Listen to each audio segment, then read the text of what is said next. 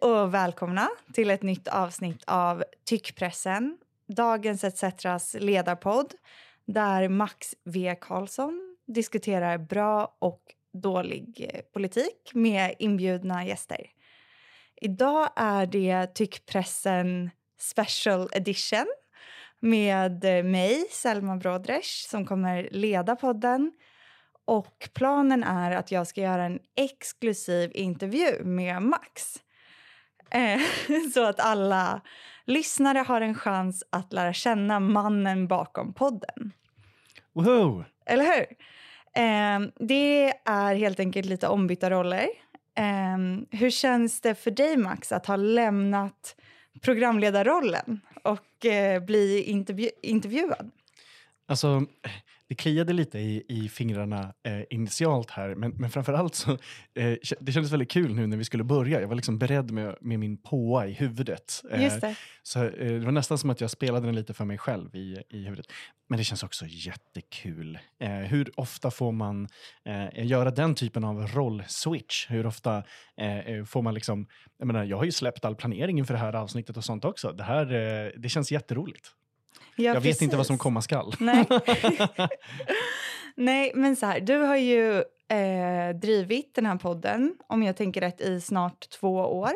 Eh, ja, ja, men exakt. Lite mer än ett och ett halvt. Eh, okay. på, på, väg. På ja. väg mot två år. Ja, snart två år. Mm. Vi är optimister. Verkligen, vi häftar. Eh, och eh, under samma period, eller lite längre, skrivit massa bra texter och eh, sådär i Dagens ETC.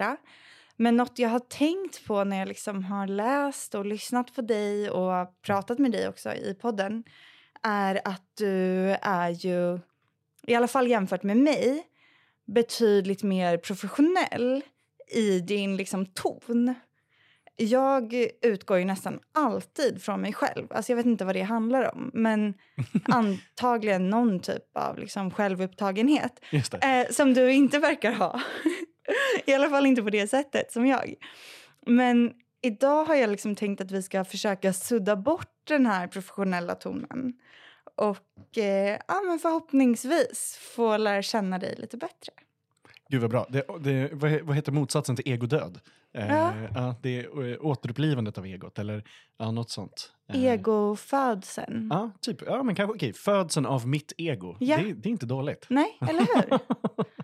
fan vad hemskt, nu kommer du liksom börja bara skriva om dig själv också i framtiden. Det här blir en startpunkt för en ja. helt annan typ av maxton. Exakt, jag har fött ett monster. um, nej, men precis som, som du brukar göra i podden eh, så har jag liksom tänkt att vi ska dela upp det här avsnittet i tre olika segment. Eh, det första bygger på frågor från en mycket känd författare Ooh. Och eh, Det andra segmentet bygger på frågor som jag har samlat in på Instagram. Och det tredje och lite dummare segmentet bygger på frågor som jag har skrivit helt själv. Gud vad bra. Ja. ja men det, här, det här känns... Eh, det, det, blir bara roligare och roligare det här. Ja men bra. bra. Men jag tänker att vi sätter igång. Eh, har du hört talas om Marcel Prousts questionnaire?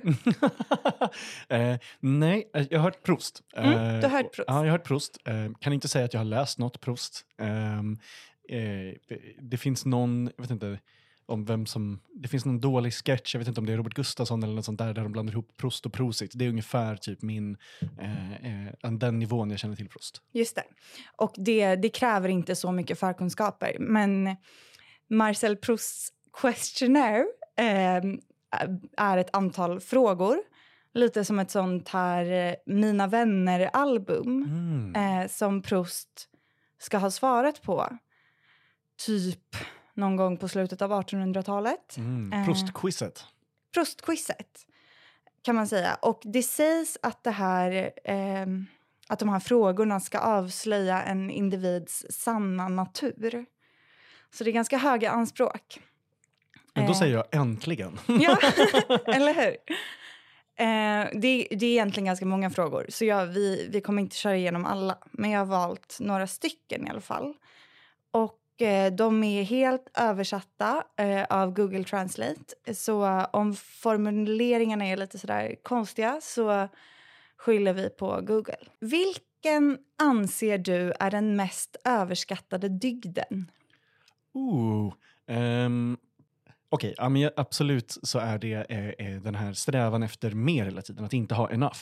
Eh, att Just inte ha det. tillräckligt. Eh, att det. allting måste vara, ja men typ där tillväxtkravet fastsatt till en själv. Du måste ha mer, ingenting annat kan förändras. Ingenting systematiskt kan förändras eller något sånt där. Eh, det går inte att göra någonting åt.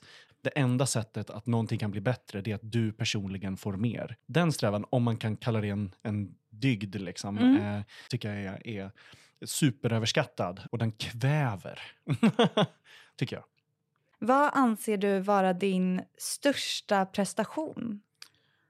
Jag, jag är jätte, jättenöjd och stolt typ varenda dag över um, det arbetet som jag och Sara Olsson gjorde med podcasten om Jeffrey Epstein uh, mm. som hette uh, Epstein och svenskarna.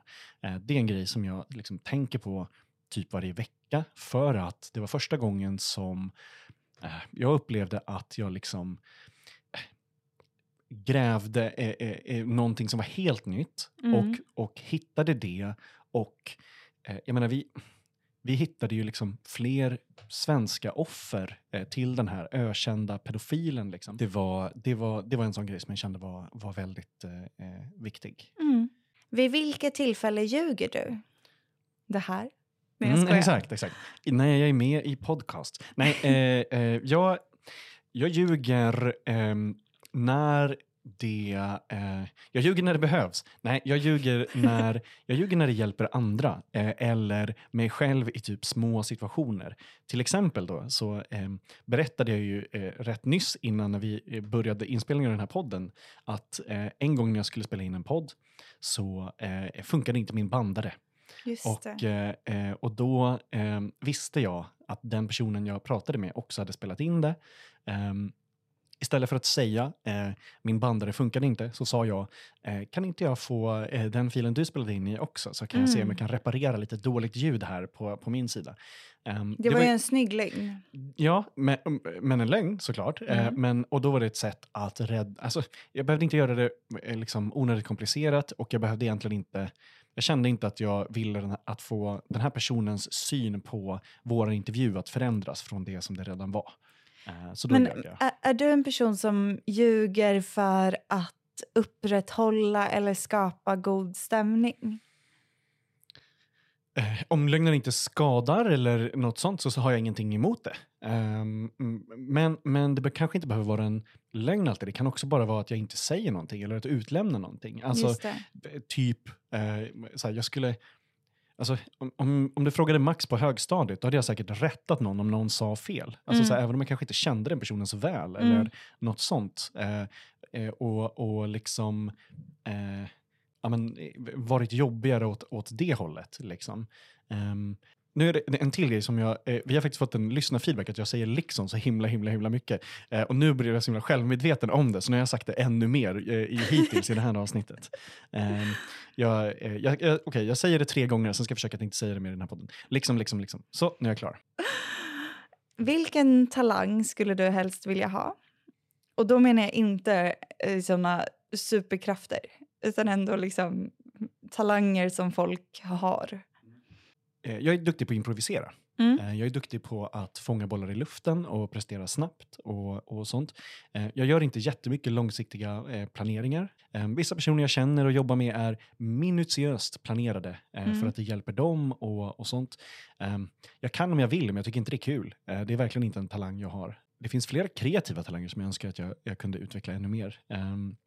Jag spelar ju musik och sånt där, men jag har nog aldrig gjort en låt någonsin jag tror att jag skulle bli, jag tror att jag skulle vara ännu gladare än vad jag är om det var så att det var en talang som jag eh, hade nära till. Eh, att kunna göra typ kreativa projekt från start till slut Just eh, ännu snabbare. Just det, det. Jag tror att jag sa det. Mm.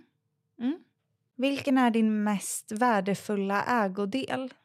Min mest värdefulla ägodel det är ett örhänge som jag brukade ha väldigt mycket förut. Jag har hål i örat. Mm -hmm. eh, och det örhänget men du brukar är... inte ha örhänge nu va? Nej, Nej. Eh, men, men vissa gånger, vissa sommarkvällar kanske. Yes. eh, eh, vissa, vissa parkkvällar. Om man har Eh, tur. exakt, exakt. The, rare glimpse Ja. av, av örhänge. Men det är ett örhänge som jag fick av min farmor. Mm. ehm, som var en otrolig dam. Ehm, och det är eh, träpärlor på eh, som är jättefina. Eh, som, eh, som hon har satt dit.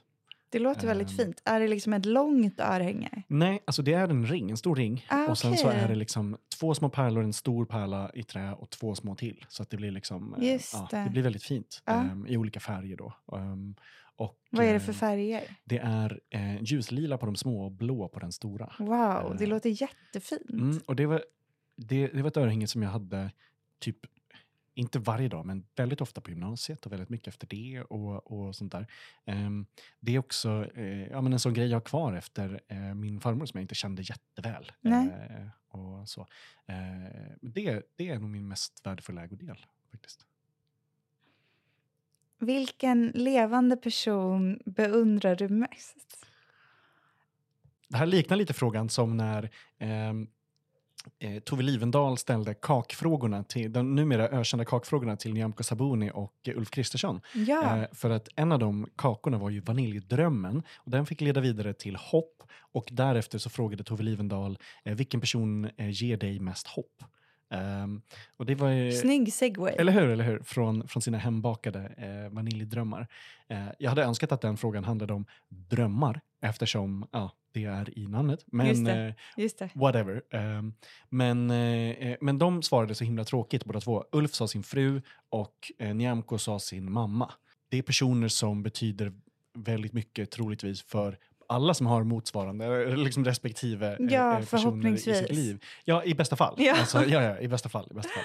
Ehm, jag beundrar inte mycket folk. Jag, jag försöker leva jättemycket efter en så här gammal paroll som heter eh, No Heroes No Idols. Eh, Okej, men jag kan säga en person som jag beundrar, genuint beundrar. Eh, jag beundrar en tidigare kollega till mig som heter Bengt Öhman. Eh, Bengt Öhman är jurist och kanske en av landets eh, främsta kämpar när det gäller hyresgästers rättigheter. Han jobbar på Hyresgästföreningen i Region Stockholm eh, och är en outtröttlig kämpe. Um, otroligt kunnig, jätteduktig, jättedriven på ett sånt sätt som smittar. Alltså, eh, där, eh, det går liksom inte att prata med Bengt utan att känna eh, eh, jag vill avskaffa eh, eh liksom allt som heter privata hyresvärdar. Eh, jag vill rusta upp varenda lekplats i hela landet. Eh, jag vill liksom stänga ner varenda lägenhetshotell. Eh, det där var faktiskt eh, de prostfrågorna som jag eh, har tagit med. Jag känner mig Eh. närmare min sanna natur. Ja, jag känner mig också närmare din sanna natur. Hur känns det då? Det känns fint. Nu Det vände jag känns, på eh, intervjufrågan direkt så fort jag kunde. Första innan jag fick. Ja. Tar över. Nej, men det känns bra. Verkligen. Det är spännande. Men som sagt så tänkte jag nu att vi ska gå vidare till segment nummer två. Eh, Instagram-segmentet. Där jag eh, har eh, fått lite hjälp av ett gäng anonyma följare.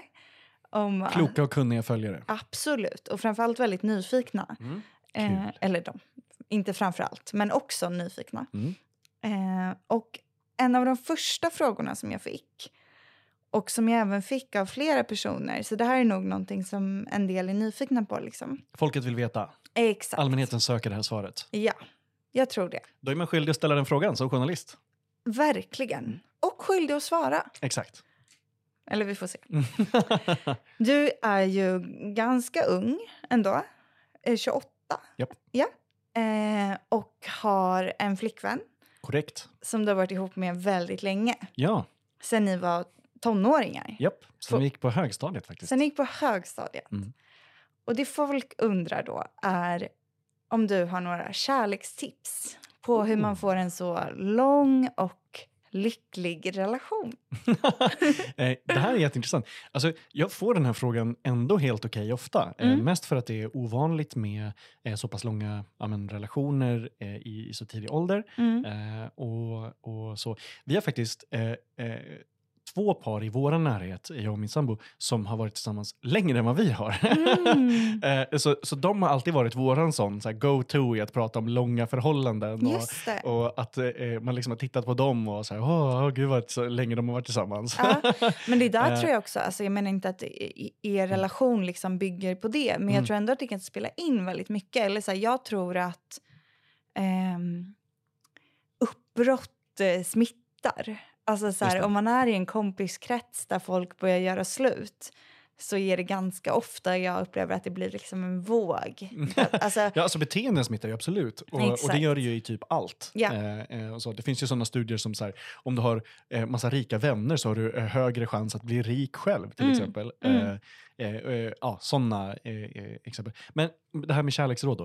Det jag Ja. brukar säga när någon frågar om det här ehm, och, och frågar om, om, om, om vår relation och så. Det, jag brukar säga att vi hade turen att gilla den som den andra blev. För att det är ju så att eh, eh, vi är helt olika personer från då. Såklart. Jag menar, såklart. det här var ju i, i början av tiden där man knappt hade frågat sig själv så här, vad tycker jag är viktigt i livet. Eh, Mm. vad, vad tycker jag är kul att göra? Eh, och, och vad vill jag göra? Eh, vad vill jag plugga? Vad vill jag jobba med? Ehm, mm, ja, hur, sånt. Vart vill jag bo? Hur vill jag Mm. bo? Eh, och, och de grejerna. Men vid varje vägskäl här så har det varit ehm, tur, säger jag, i, i, eh, alltså i, i det här att, att eh, det är fullt möjligt att man hade utvecklats till eh, eh, ja, men personer som vill andra saker. Eller eh, eh, personer som vid ett vägskäl jag menar, eh, skulle vilja plugga någon annanstans eller, eller ehm, jobba med någonting helt annat eller eh, ja, träffa en annan typ av personer. Mm. Ehm, men men sen så skulle jag säga att vi är väldigt, väldigt goda vänner också. Vi, Mm. vi har ett stort kompisgäng, vi umgås väldigt mycket, vi pratar väldigt mycket. Ehm, Men om man är en person som mm, kanske den här personen som ställde frågan är, som är liksom så, ja men har haft en del relationer som kanske inte riktigt har funkat så lång tid och ja men liksom man får inte riktigt till det. just det. Va, vad skulle du säga till den personen? För det kan ju inte bara vara tur. Det är såklart så att jag menar, så här, en relation är ett arbete och, och, och eh, alltså ett känslomässigt arbete och så Mm. också. Det jag menar med tur är att det hade varit så lätt eh, att vid sådana vägskäl i livet Mm. stå på olika sidor. Just det. Eh, och det har vi aldrig gjort. Eh, sen så hjälper det väldigt mycket att så här, jag är inte en särskilt konfrontativ personlighet. Eh, jag, eh, och det är inte min sambo riktigt heller. Eh, som, jag menar, som personer är vi nästan aldrig arga. Eh, liksom sura på kanske andra saker, väldigt sällan varandra. Ehm, ja, eh, gjort mycket saker tillsammans såklart, men också haft våra egna liv. Alltså eh, helt andra. Eh, jag håller på mycket mer med politik och den biten än, än vad min sambo gör. Eh, och hon kan massor av smarta grejer som jag fattar typ 5 till 10 procent av kanske. Ehm, så det, det är en helt annan liksom, ja, men, värld. Det jag skulle säga till den här personen som kanske inte fått det att, att funka och sådär. Alltså, det, det är såklart svårt att, att säga, men, men det är väldigt, väldigt, väldigt personorienterat. Alltså, jag vet inte hur mycket kompisar jag har som träffar personer som eh, man kanske från start eller en bit in känner att så här, det här kanske funkar på vissa delar men man behöver göra avkall på så himla mycket annat. På sig Mm. själv, på, på vad man tycker är viktigt ehm, och, och försöker pressa in någonting i det där. Eh, det. jag tycker att folk är för dåliga på att göra slut. Okej. Alltså jag tycker att folk eh, låter relationer gå för länge. ja. Eh, där de eh, liksom blir nostalgiska över att säga eh, bye bye och, och liksom, ja, kanske söka sig vidare i, det. i sånt. Eh, Jag fattar. Så du tänker att man ändå ganska tidigt på något sätt så kan känna in om, om det här är en person som det skulle kunna funka med långsiktigt? ja, Och om det inte gör upplever det, ska man inte försöka förändra den jättemycket kanske? Alltså, de förändringarna måste liksom, om det, om det är ett minsta motstånd i de förändringarna så känner jag att det kommer vara väldigt svårt. Du kommer Ja. behöva jobba väldigt hårt för det. Och den personen kanske förändras, men kanske inte ville det. Nej, just det. Ehm, och och det, det jag känner då eh, relationsmässigt är att det, det känns som att så här, antingen att den personen behöver göra avkall på sig själv eller att du behöver göra det. Det, det känns som att det finns bättre vägar. Mm. Eh, det känns också som att så här, men om det är någonting som du faktiskt kan vara säker på, då är det att det finns väldigt, väldigt mycket mer människor. Eh, eh, alltså det, det finns liksom fler att prata med. Det finns ehm, ja, fler att ha en relation med. Eh, inte sådär eh, sjön är full av fisk eh, liksom. För att ja, det är inte ett spel och det är inte en sport. Men, men eh, det jag menar eh, eh, det jag menar är att eh, jag tror att eh, om man inte är en liksom, eh, eh, orimlig person som ställer mass, massor, massor av krav på en annan person eller beter sig på ett dåligt sätt ehm, så, så, eh, eh, så tror jag att det finns rätt få hinder för att hitta en sån relation. Alltså det, det, det, är, inte ett magiskt knep, det är lite av ett numbers game. Och här är det Mm. liksom, eh, och här är det eh, för mig då, eh, som inte har deltagit i det här numbers game, eh, eh, så är ju det, eh, eh, det är där jag menar att turen kommer in. För att vi lärde känna varandra på ett sätt som också var liksom mer eller mindre tur. Jag fattar. Eh, nu, nu låter du ju som en eh, otrolig och väldigt så insiktsfull eh, kärleksexpert och eh, fantastisk partner. Men, men jag tänker att eh, även du är ju en människa. Eh, Korrekt. Och ja, det här kanske egentligen din sambo borde svara på, men hon är inte i rummet just nu. Så på vilket sätt är du svår och jobbig att vara ihop med? Det finns garanterat eh, eh, grejer här där. Alltså, eh, för det första så eh, kan jag ju prata väldigt mycket om olika saker. Eh, jag gör ju väldigt mycket olika grejer, jag håller koll på personer och, och eh, datum. Och, eh, jag är inte en sån som pausar en film för att säga någonting eller något sånt. Det tycker jag skulle vara liksom konstigt. Men jag är absolut den som kommenterar Agenda samtidigt som jag tittar. Ehm, och och eh, det kanske man inte gillar. Eh, saker som jag har jobbat med eh, väldigt mycket med mig själv och sånt. Det är till Mm. exempel då ehm, inte rätta människor där det inte behövs. Eh, det är en sån grej som jag tycker var väldigt viktig. Eh, men också att jag eh, rätt tidigt insåg att ibland när jag kan tycka att det känns självklart att jag ska säga någonting så kan det ske på bekostnad av att någon annan säger någonting. Alltså att det kan upplevas som att jag ehm, i sammanhang tryckte på väldigt mycket eller liksom eh, inte kanske tog plats på det sättet för att jag är inte så fysisk. Liksom, och, och, eh, ja, men när, jag, när jag deltar i, i samtal eller så. Men att det kan låta som att jag kanske donderar eller ra- raljerar när jag inte gör det. Men, men vad får du liksom oftast höra hemma? Eller liksom från... Mm. Vad, vad är den kritiken eller den lilla liksom, armbågen du oftast får eh, av din sambo? Kanske att jag eh, ofta kan vara helt säker på att jag har rätt. Och att här, Mm. Det spelar ingen roll egentligen då, för den här frågan, så spelar det ingen roll om jag har det eller inte. Det är inte det som är det viktiga, det är hur jag beter mig kring det. Att det Just kan det. låta som att det var den enda möjligheten. Eh, och att det kan vara då eh, ja, men någonting som sätter press. Eh, Mm. ja, det, är väl, det är väl det i så fall. Mm. Ja, men det är bra. Mm. Eh, där får vi se att även du är mänsklig. ja, jag, jag är definitivt mänsklig, jag, Jag lo, tyckte jag att lovar. jag köper inte så mycket kläder.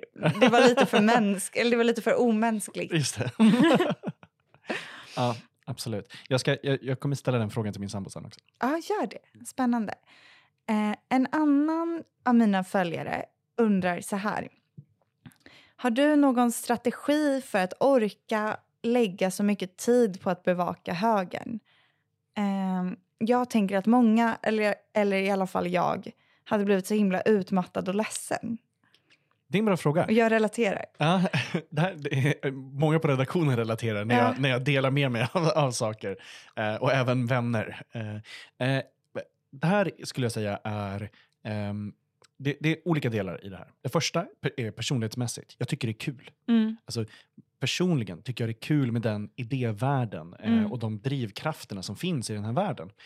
sen är det också kul för att många av dem är klantar. Alltså, det, det är roligt content för att de säger fel, de säger absurda saker, de planerar inte. Eh, det är liksom clowner i kommentarsfälten. Jag tycker det är humor Mm. eh, och känner mig väldigt dragen till det. Och så. Just det. Det andra är att jag känner en nyfikenhet. Jag känner att det är underbevakat. Eh, Ja. Att det inte är så många som har koll på vad som faktiskt sägs.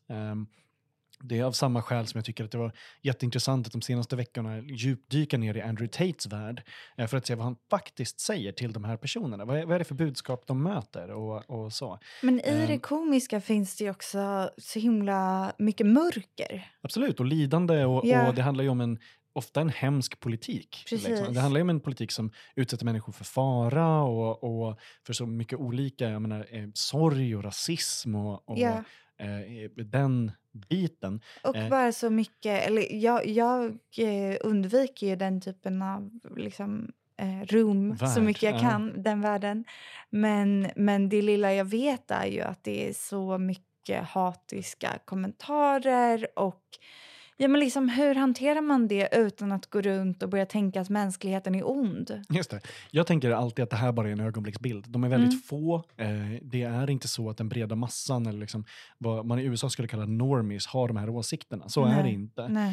Eh, alltså jag har förstått att jag är rätt ensam i att inte tycka att det är så jobbigt att ta del av det här. Men eh, jag skulle tycka att det var jobbigt om jag tog del av mycket mer våld. Alltså de Mm. gångerna som jag faktiskt granskar typ rent våld eller sexuellt våld. Mm, eh, då känner jag att, att det, det finns en gräns där.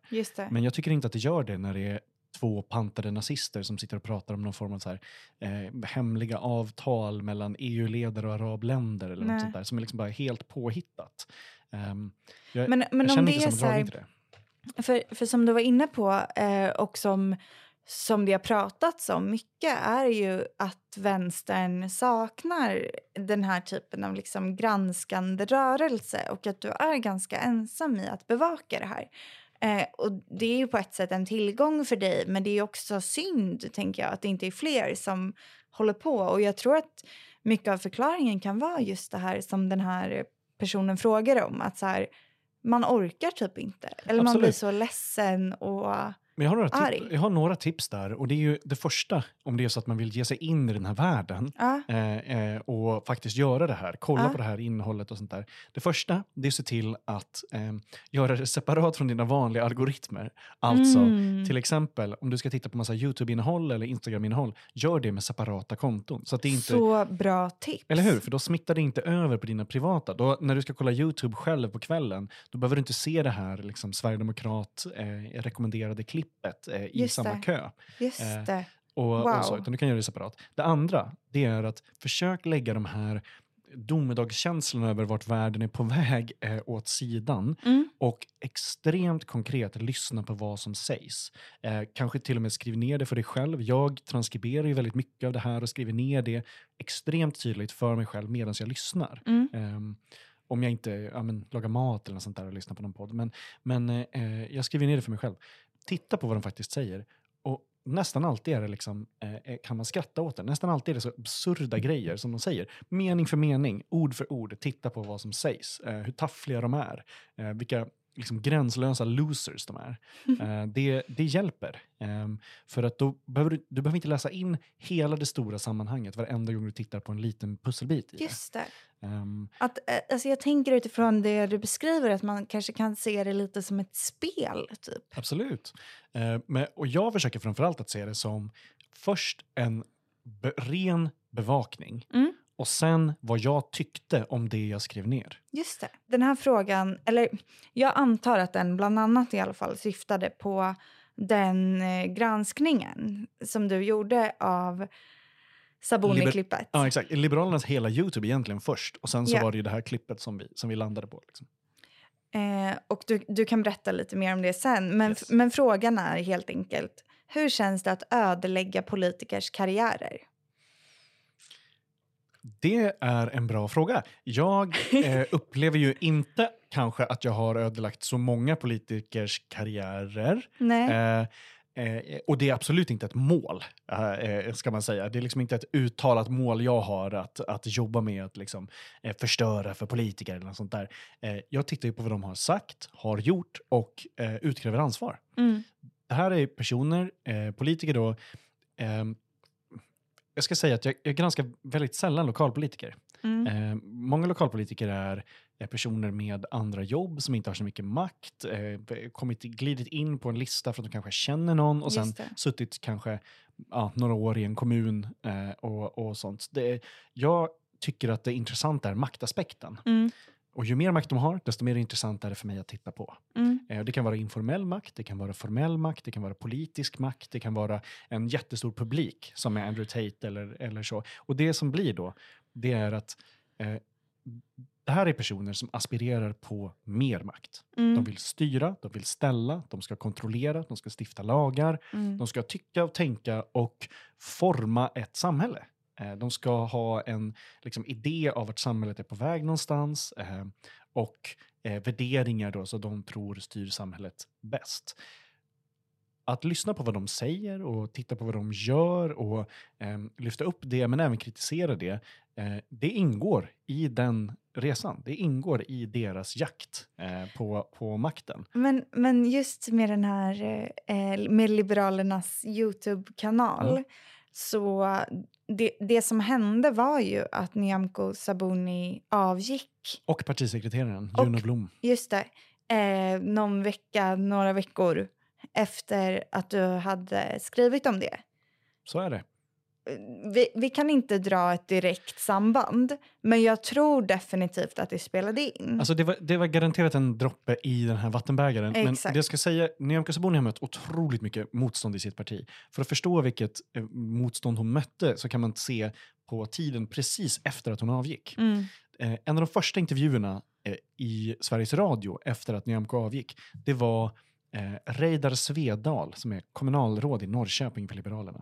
Han skulle kommentera att Johan Persson nu tillträdde och säger i Sveriges Radio nu har vi äntligen en partiledare som heter som och ser ut som din granne.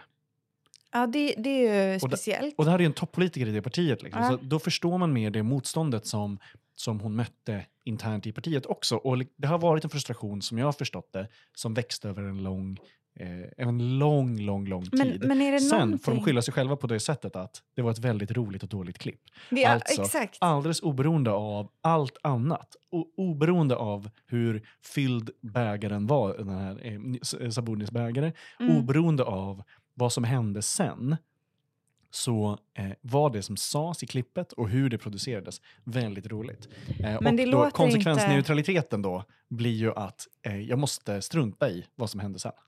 Ja, för det var det jag tänkte fråga. Det, lå det låter inte som att du eh, drabbas av ett särskilt eh, starkt dåligt samvete eller liksom en skuld i... Ja, men att det ändå så här, kanske då fuckade upp en persons karriär eller Absolut en inte. persons dröm om att... Eh, jag vet inte. Nej, jag känner inga, jag känner inga samvetskval över det överhuvudtaget. Det här är personer som har jättemycket makt, jättemycket pengar eh, och det kommer gå alldeles utmärkt för dem ändå. Jag vet inte om det finns ett enda exempel på när det har gått jättedåligt för en toppolitiker som avgått. Eh, utan de går till PR-byråer, de driver egna bolag, de eh, säljer sina tal och sina åsikter eh, och eh, eh ja, det, det är en del av liksom, cirkusen. De klarar sig. De klarar sig så himla bra. Ja. Eh, jag, tror, jag tror också att, alltså, jag tror att det kan vara lite skönt, eh, för Sabuni tror jag att det var det. Eh, för Sabuni tror jag att det var att, att hon inte hade lämnat om det inte var så att hon kände att det skulle bli bättre efteråt. Just det. Vi går vidare. All right. Vad skulle du jobba med om du inte var journalist? Hade tyckt det var 10 av 10 om du ville bli polis. Det här är alltså inte mina ord. jag har fått frågan eh, faktiskt av poliskällor som jag själv har. Eh, jag, då och då har jag en poliskälla som hör av sig med eh, annonser eh, att bli utredare på polisen. Ja. Civilutredare och så. Och så är det liksom din plan B? Nej, det skulle jag inte säga. Nej. Men den här källan säger också då att ja, men flera av mina kollegor är faktiskt journalister som har lämnat branschen, Mm. som är duktiga på att gräva och utreda och så vidare. Mm. Nej, jag, jag känner mig inte lockad till Polismyndigheten, mest för att det inte verkar vara en så himla härlig arbetsplats. Nej. Och Mycket sådär. kärleksdramatik och exakt, exakt. konstiga Eh, grejer som händer. Ja, och, eh, och också eh, den typen av, av superpolitiserad myndighet i, i det tycker jag inte känns eh, så kul. Vad skulle eh, du vilja göra? Alltså det finns ju absolut eh, drömyrken. Mm. Jag skulle tycka att och det, finns en, det finns en grupp, också på en myndighet, då, men det finns en grupp som jag eh, skulle tycka var jättekul att jobba inom. Ja. Det är den gruppen som eh, hittar, utreder och eh, faktiskt då eh, lämnar vidare uppgifter till åtal om skattesmitare. Det är Mm. specialutredningsgruppen på Skatteverket. Eh, det är deras, eh, eh, för mig, coolaste team. Eh, eh, den dedikerade enheten som jobbar mot skattefusk. Att sätta dit folk i hela världen.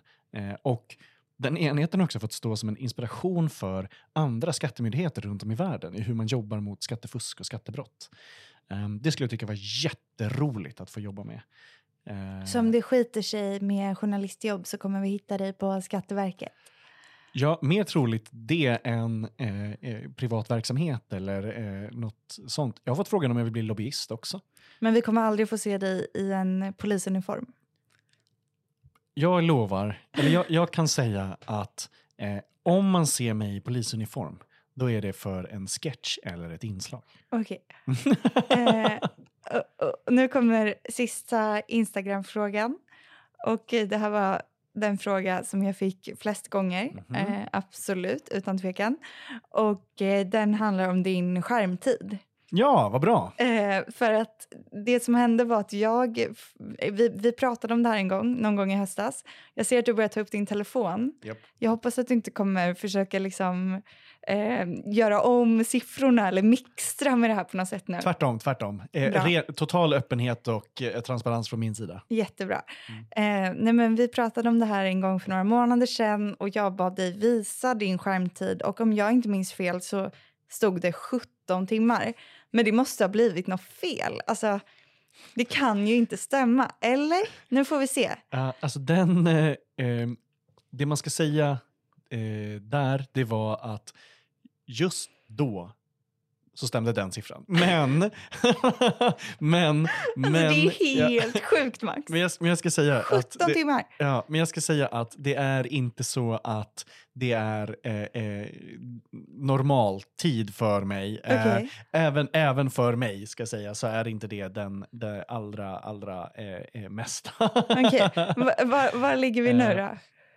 Ja, men just nu, nu, den här veckan hittills, Mm. eh, alltså om vi räknar, ska vi ta dagligt genomsnitt eller ska vi ta total skärmtid? För det är också skillnad. Jag tänker att vi tar dagligt genomsnitt. Ja, okej. Men den här veckan hittills så eh, ligger jag på fyra timmar. Mm. Eh, så att det är inte så farligt faktiskt. Nej, verkligen inte. Ehm, jag, har, jag har tagit det lugnt. Obs, det här är ju på telefonen. Jag har ju suttit mycket med datorn också. Just det. Eh, så att den mäter ju inte det.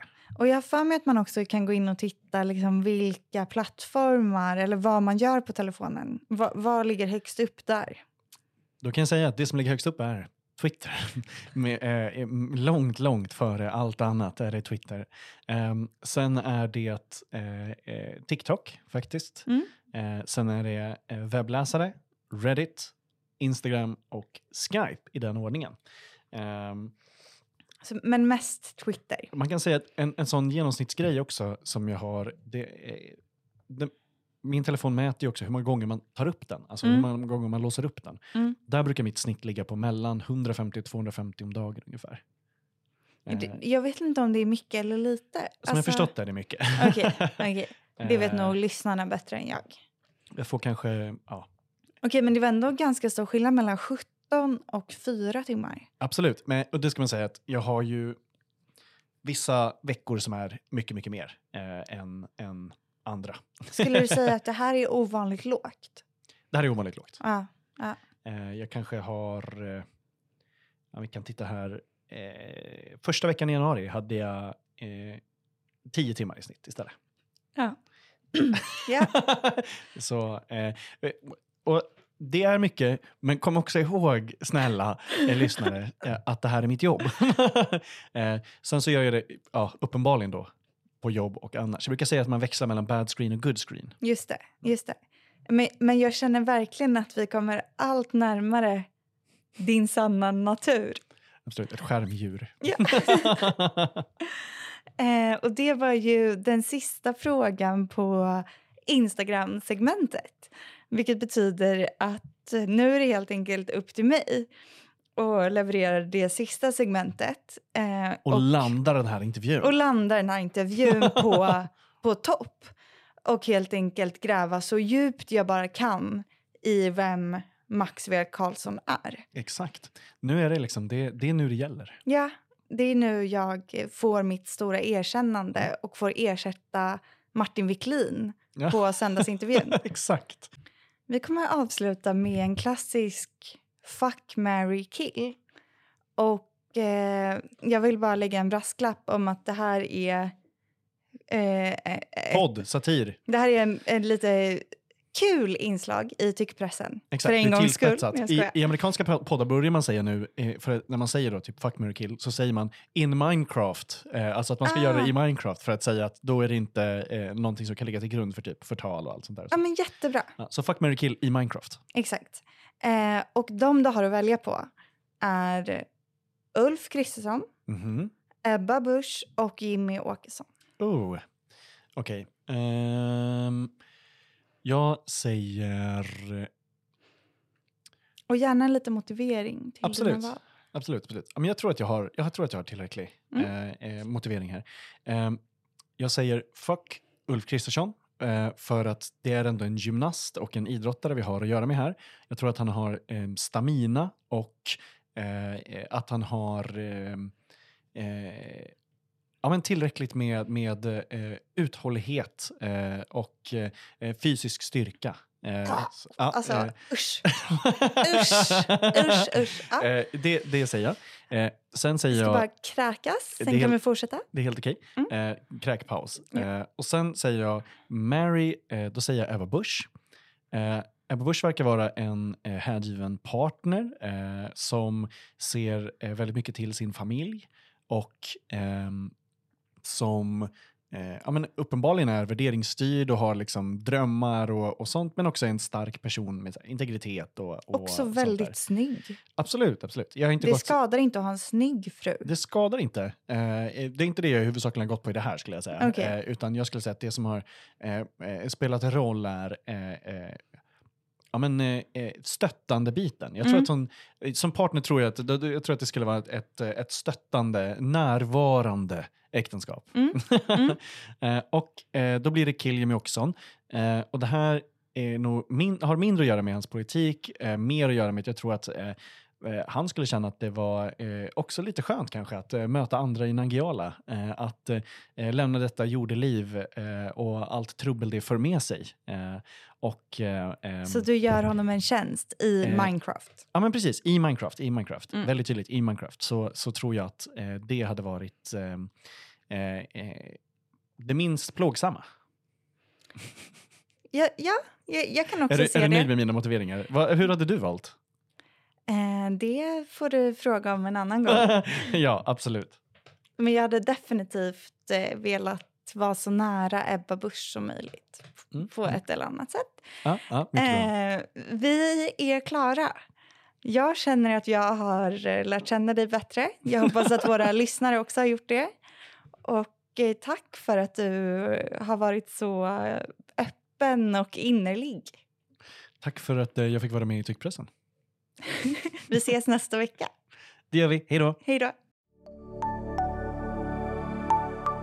Visste du att 90% av medierna i Sverige är borgerliga? Samtidigt har extremhögern byggt upp en hel pamflett av propagandasidor. Dagens ETC är dagstidningen som ger hopp och ryggrad att stå emot den blåbruna sörjan. Sveriges enda röda dagstidning för en grönare värld. Testa att prenumerera idag på etc.se.